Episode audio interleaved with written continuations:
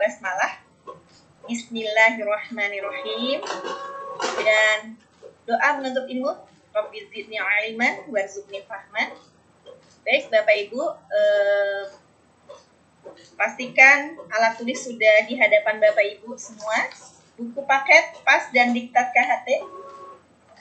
Jadi saya aja yang mendampingi Bapak Ibu tetap menghadirkan dua buku ini dekat saya. Oke. Dan juga buku tulis ya dan peralatan tulis ya, pastikan ada ya, karena memang aktivitas perkuliahan ini luar biasa. Ya, eh, pasti banyak catatan gitu ya yang membuat uh, kita bersemangat untuk membuka kembali. Baik Bapak Ibu yang dirahmati Allah, uh, saya berikan uh, kesempatan yang pertama kepada Bu Merita Parus yang menjelaskan tentang detoksifikasi. Pentingnya kita mendetok ya karena memang uh, usia yang kita cukup uh, puluhan tahun tapi ternyata Eh, kita belum pernah membersihkan usus kita. Padahal proses apa yang kita makan, apa yang kita minum, terkadang kita belum mempertimbangkan ya eh, kehalalan dan ketoyiban. Kalaupun halal mungkin belum toyib gitu ya. Sehingga ada efek sakit pada tubuh kita dan ternyata disebabkan bab sistem pencernaan yang kurang baik. Ya, untuk itu uh, insya Allah kita siap menyimak ya pastikan Bapak Ibu konsentrasi dan dengan pakaian yang rapi ya untuk bisa uh, melaksanakan perkuliahan ini. Baik, uh, kepada Bu Merita Parus, ruang Zoom saya persilahkan.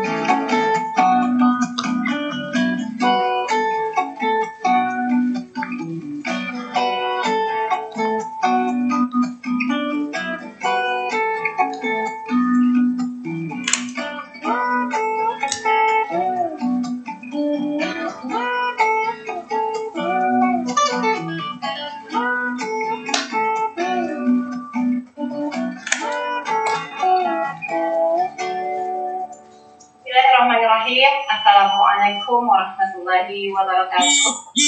Rabbi shrah li sadri wa yassir li amri wa hlul 'uqdatam min lisani yafqahu qawli. Amma Bapak Ibu, rekan-rekan peserta kelas online KHT, kali ini materinya adalah materi KHT bab ke-1B dengan judul detoksifikasi. Buku KHT-nya dibuka ya, halaman 37. Pada awal bab detoksifikasi ini, ada petikan dari surat Asyar, surat ke-91, ayat 9 sampai 10, yang artinya sesungguhnya beruntunglah orang yang mensucikan jiwa itu dan sesungguhnya merugilah orang-orang yang mengotorinya.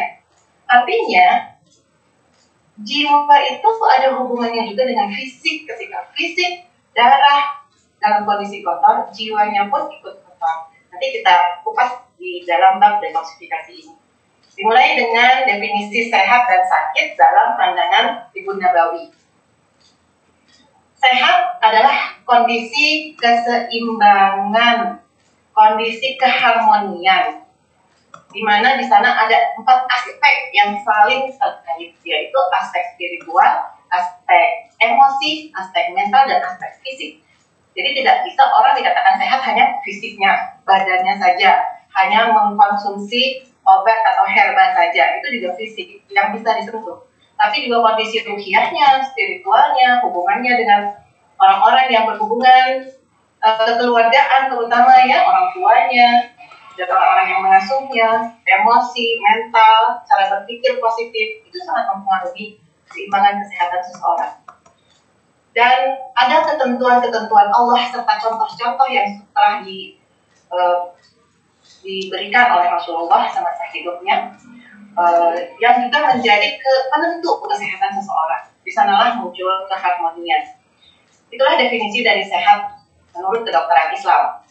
Sedangkan definisi sakit selain sebagai ketentuan Allah yang yang memang sudah waktunya dia sakit, di sana juga ada peran manusia itu sendiri yang merusak keharmonian yang sudah Allah tentukan, yang sudah Allah buat rumus-rumusnya. Sedemikian hingga dengan penyimpangan-penyimpangan yang dibuat, mengkonsumsi bahan-bahan yang mengandung racun, eh, tidak melakukan contoh-contoh Rasulullah, misalnya makannya terlalu kenyang, berlebihan, atau belum terlalu lapar sudah makan lagi, atau makan dan minum dengan posisi berdiri mengabaikan hal-hal sunnah seperti itu membuat munculnya penyakit ya dan penyakit ini bukan akibat adanya kuman, virus, patogen kita tidak boleh menyalahkan makhluk-makhluk klinik itu. Makhluk itu adalah makhluk-makhluk Allah juga yang Allah ciptakan pasti untuk kemaslahatan umat manusia. Sehingga dengan ketidakharmonian yang dibuat oleh tubuh manusia itu sendiri, muncullah kelemahan imunitas, kelemahan daya tahan tubuh, kekuatan fitrah istilahnya ya, istilah Melayunya. Di sanalah ketika daya tahan tubuh turun, kuman, virus, patogen-patogen yang ada di sekitar kita ini menjadi mudah masuk. Virus kuman itu antenanya pada naik semua. Langsung muncul sinyal di antena mereka bahwa ini ada tubuh yang kotor, yang banyak toksitnya. Tapi bagi mereka, itu adalah makanan mereka. Dan tubuh tersebut adalah kamar yang empuk dengan bantal yang empuk untuk mereka tinggal berlama-lama. Kita yang membuka pintu sehingga mereka masuk. Karena itu perlu menjaga daya tahan tubuh agar tidak memberi kesempatan kepada kuman, virus, dan patogen-patogen tersebut masuk. Jadi kita tidak boleh menyalahkan makhluk Allah juga ya. Salahkan diri sendiri ketika kita sakit. Karena hmm. sakit itu ternyata bersumber dari kesalahan-kesalahan manusia itu sendiri. Selain karena memang sana ada ketentuan Allah.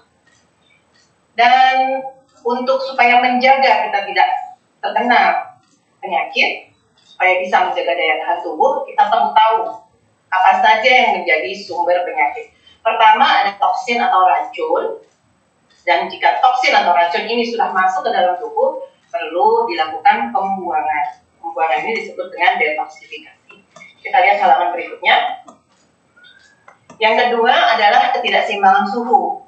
Jika seseorang terlalu panas atau terlalu dingin, ya, kita berdekatan dengan orang tersebut duduk bareng, e, terasa panasnya itu sampai ke kita, atau ketika kita bersalaman kita rasakan tangannya dingin sampai kayak es ya itu berarti ada ketidakseimbangan suhu orang-orang yang seperti itu perlu mendetoks dengan herba yang bersifat diuretik membuang e, cairan berlebih ya yang e, bisa dibantu dengan didorong menggunakan bantuan minuman air dan herba yang bersifat e, diuretik.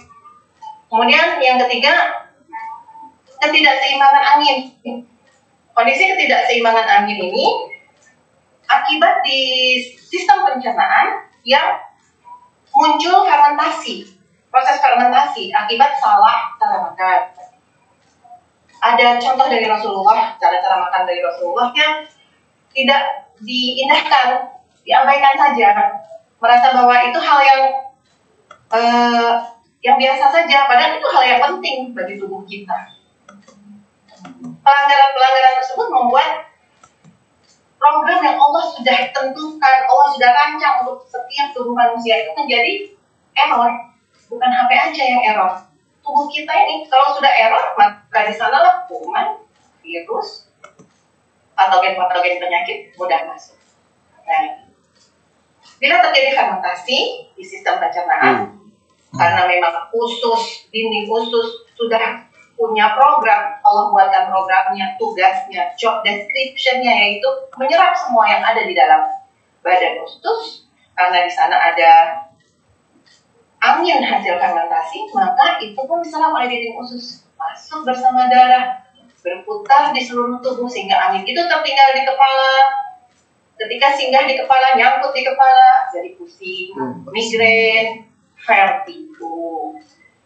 Maka untuk menyembuhkan vertigo bukan ma makan obat penghilang rasa sakit kepala tapi cari sumbernya yaitu fermentasi. Kenapa bisa fermentasi di sistem pencernaan karena salah makannya jadi yang harus diperbaiki adalah tata cara makannya kembali back to cara-cara yang sudah diajarkan, yang sudah dicontohkan oleh Rasulullah. Kemudian yang D adalah ketidakseimbangan pikiran. Pikiran itu membuat seseorang bisa jadi sakit. Dan bila pikiran ini tidak cepat diselesaikan kalau ada masalah, ya, tidak cepat dicarikan solusinya, maka dia akan berakumulasi menjadi penyakit yang sulit disembuhkan. Untuk menyeimbangkan pikiran, menyehatkan pikiran kita, dibutuhkan herba yang bersifat sedatif. Sedatif itu artinya menenangkan, uh, dan di sana biasanya perlu ada vitamin C. Jadi vitamin C itu adalah uh, bahan yang menenangkan. Nah, dari empat sumber penyakit ini, jika sudah dipahami, insya Allah apabila kita amalkan, akan membuat tubuh kita menjadi uh, daya tahan tubuhnya tinggi, uh, toksin minimalis di badan kita. Kalau perlu benar-benar bersih ya dan penyakit tidak akan mudah masuk sehingga di masa pandemi seperti sekarang ini insya Allah kita berada dalam kondisi yang aman. Tidak perlu stres takut segala macam dibeli demi untuk merasa supaya aman tidak tertular bukan seperti itu ya tapi yang nomor satu adalah memahami dulu empat sumber penyakit ini insya Allah kita tidak akan tertular. Lalu ada istilah toksemia di halaman berikutnya. Di halaman 40, toksemia itu artinya sebenarnya keracunan. Jadi orang yang sudah e, berkumpul racun toksin di dalam tubuhnya, tapi ada organ-organ yang harusnya secara fitrah tubuh itu sudah punya program Allah berikan untuk kalau ada toksin langsung dibuang organ ginjal misalnya organ liver menyaring toksin berlebih. Namun dalam kondisi tertentu ada tubuh-tubuh yang fungsi organ-organ detoksifikasinya sudah mulai berkurang atau bahkan udah sampai error.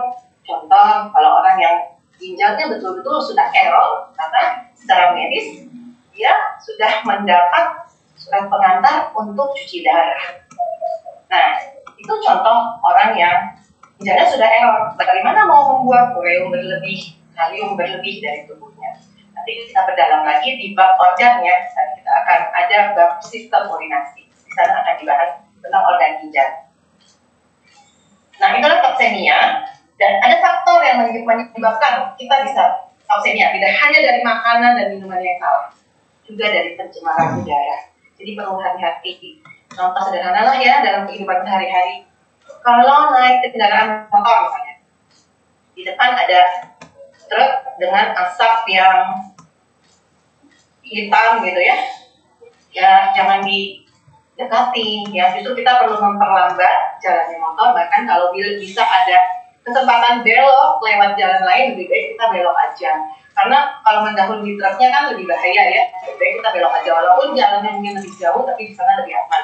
Itu antara lain mencegah supaya kita tidak tercemar uh, sistem pernapasannya ya. Karena dari sistem pernapasan juga dia masuk ke darah Kemudian pembuangan sisa toksin dari freon. Hati-hati, zaman modern semua rumah punya kulkas, punya AC, di sana ada zat freon yang pada masa-masa tertentu ada jadwal dia harus diservis ya. Nah itu juga perlu diperhatikan. Juga untuk yang tinggal di sekitar wilayah pabrik. Nah ini juga perlu memperhatikan ya. Mungkin uh, bisa mencari solusi supaya tidak tercemar ya dari udara pabrik. Pencemaran air yang kedua, setelah pencemaran udara, di air ini biasanya terserap dari bahan pestisida kalau yang rumahnya dekat persawahan yang menggunakan pestisida. Uh, dan juga pencemaran dari pembuangan limbah-limbah pabrik ya. Lalu makanan siap saji nah nih sekarang zaman instan. Yes, yes. jadi banyak sekali orang yang keracunan akibat makanan siap saji. Hati-hati dengan makanan-makanan yang uh, wadahnya terbuat dari kaleng. Karena di sana ada reaksi yang membuat uh, susunan bahan makanan itu menjadi berubah. Sehingga ketika dikonsumsi ya tubuh kita menjadi tercemar dari bahan wadah seng yang digunakan untuk uh, wadah ya.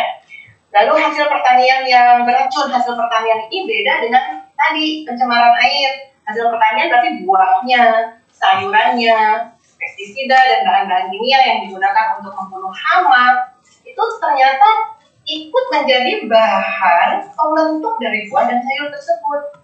Minimal dia di kulitnya lah ya. Karena itu kita perlu melakukan pembersihan dengan pertama di air mengalir eh, terhadap buah dan sayuran yang akan diolah yang akan dimakan di rumah. Dan di HMI juga kita sudah punya produk yang namanya Promo itu bisa digunakan untuk uh, membuang sisa residu dari pertan hasil pertanian. Nanti akan diberi cara-cara menggunakan promo untuk membuang residu dari hasil pertanian ini di grup WhatsApp Classroom. Kemudian kebiasaan buruk seperti merokok, malas bekerja, ya, eh, tidurnya terbalik, malam justru melek, siang tidur itu tidak sesuai dengan alam, maka akan menjadi uh, timbunan penyakit. Yang F, obat-obatan kimia sintetis, maksudnya kimia. Yang G, tekanan hidup dan stres yang tidak pernah selesai. Ya, semuanya ini bisa menjadi pemicu atau faktor penyebabnya orang menjadi keracunan. Kalau kita perhatikan skema yang ada di halaman 41 ini menjelaskan bahwa apabila tubuh manusia Apabila tubuh manusia bisa menjaga keseimbangan yang tadi sudah kita pelajari, maka manusia tersebut tubuhnya akan sehat. Tapi jika manusia ini tubuhnya banyak dimasuki oleh racun, baik dari makanan maupun yang tadi faktor-faktor lain, ya, pencemaran udara dan sebagainya, maka akan terjadi pengendapan toksin di organ-organ lima terutama organ usus, hati, ginjal, darah, dan kelenjar limpa. Jika ini sudah terjadi, daya tahan tubuh akan turun. Maka bakteri, virus, jamur, parasit yang ada di sekitarnya akan langsung naik kadar masuk ke dalam tubuh yang penuh racun itu, membelah diri di beranak pinak di dalam tubuh kita, ya, tubuh yang sakit, sehingga uh, tubuh yang banyak racunnya sehingga orang itu kemudian akhirnya menjadi sakit. Ya. Lalu subbab berikutnya Definisi tentang penyakit degeneratif. Mudah saja. Penyakit degeneratif itu adalah penyakit-penyakit yang secara medis namanya banyak berakhir is. Contohnya sinusitis, bronkitis, eh, faringitis, amandel itu tonsil. Kalau dia meradang dan sudah degeneratif, dibiarkan gitu ya, maka namanya menjadi tonsilitis uh, masalah tulang yang tidak dijaga menjadi osteoporosis dan seterusnya banyak sekali termasuk diabetes. Walaupun dia tulisannya lebih banyak diabetes pakai e ya tapi sebenarnya dia aslinya diabetes. Kanker stroke dan sebagainya itu semua penyakit-penyakit uh, yang termasuk degeneratif. Nah untuk memahami ini kita bisa bandingkan dengan skema yang ada di halaman 42 di sini di skema ini ada gambar seperti tangga ada panas di sebelah kiri dan di sebelah kanan. Yang kiri turun. Ini menandakan bahwa dari angka 0 kondisi orang sehat menuju ke angka 10 kondisi penyakit tingkat degeneratif. Kalau di tengah-tengah ini penyakitnya masih akut ya.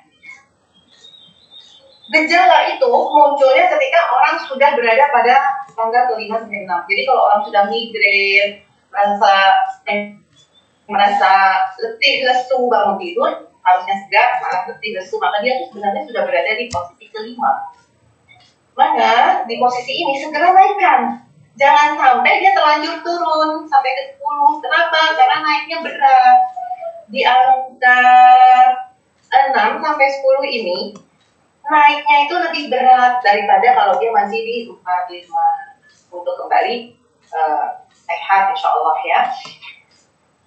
Kemudian ini ada sebab detoksifikasi. Sebenarnya judul bab kita sendiri sudah detoksifikasi, tapi ini adalah penjelasan dari sisi etimologi saja, sisi bahasa bahwa detoksifikasi artinya program penghilangan racun, program membuang racun yang sudah terlanjur terendam, terkumpul di dalam tubuh kita.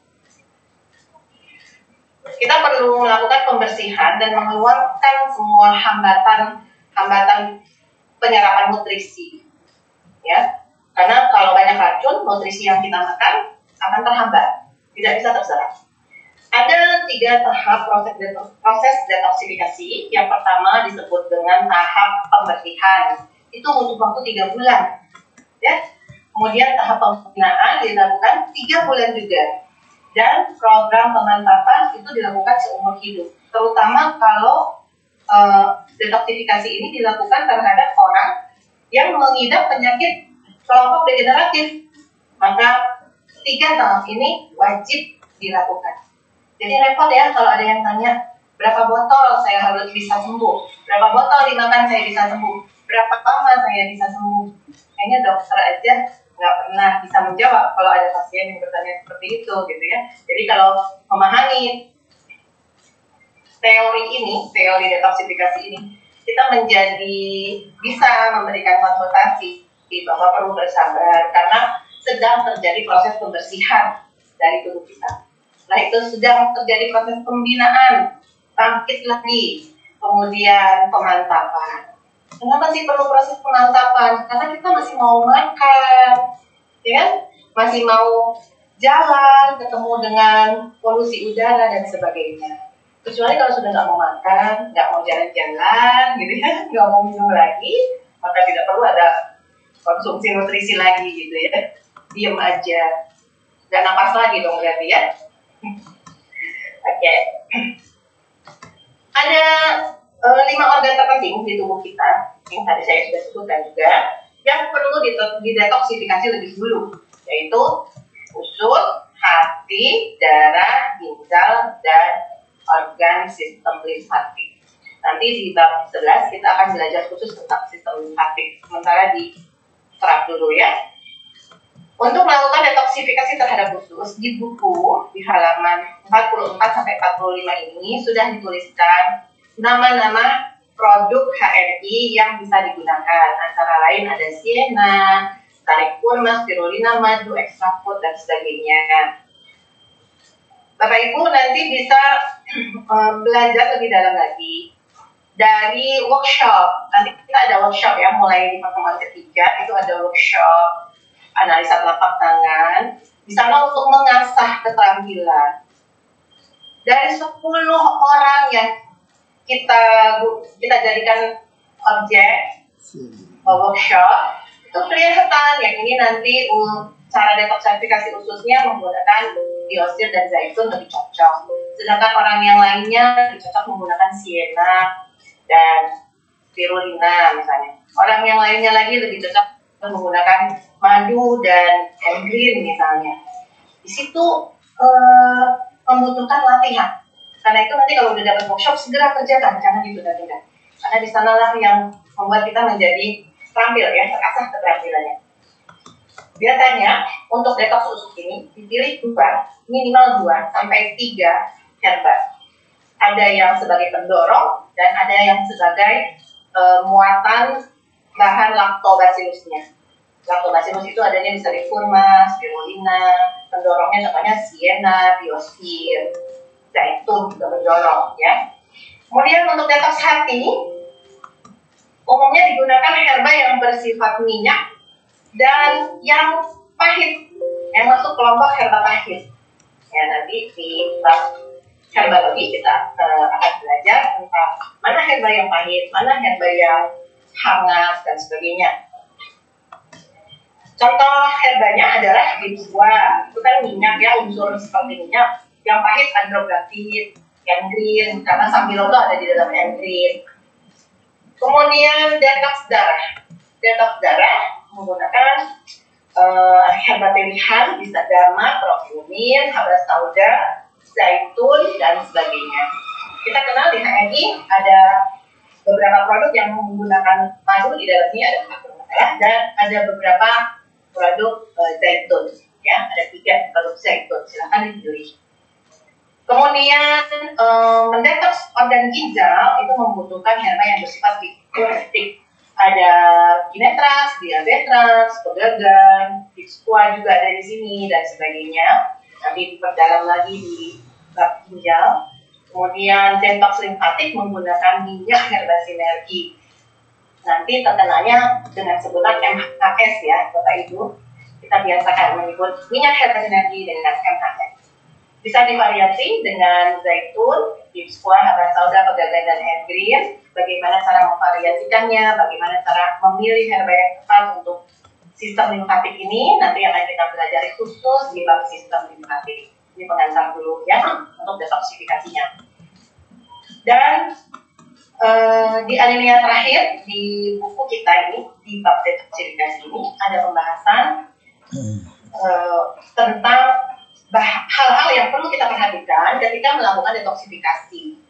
Pertama, makan makanan berserat. Jangan sampai kita melakukan detox khusus yang dimakan pakai somai, tetap aja yang dikeluarkan yang sedang lengket, masuk lagi bahkan lengket baru.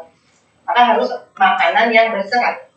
Yang kedua, perbanyak konsumsi aneka sayur dan buah karena di sana dibutuhkan enzim, lactobacillus dan sebagainya. Kemudian minum air minimal dua setengah liter, minimal bukan harus dua setengah liter. Karena di sini sebenarnya ada perbandingan volume air yang dibutuhkan oleh setiap tubuh berbeda-beda tergantung berat badannya. Rumusnya sebenarnya setiap 25 kg berat badan membutuhkan 1 liter dalam sehari semalam. Jadi kalau orang beratnya uh, 75 kilo dengan yang beratnya 90 kilo jadi beda ya. Tapi kalau yang beratnya 50 kilo ya usahakan dua setengah liter.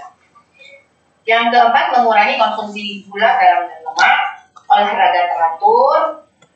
Olahraga ini definisinya bukan harus dalam bentuk kegiatan-kegiatan uh, dalam kelompok olahraga, tapi bisa juga kegiatan-kegiatan di dalam rumah yang dilakukan dengan eh, teknik-teknik uh, tertentu. Bahkan dalam ibadah kita pun kita bisa uh, atur sedemikian hingga itu menjadi gerak tubuh yang maksimal. Contoh, ketika kita melakukan proses sujud ruku, sebelumnya tarik nafas dulu dan kempiskan perut.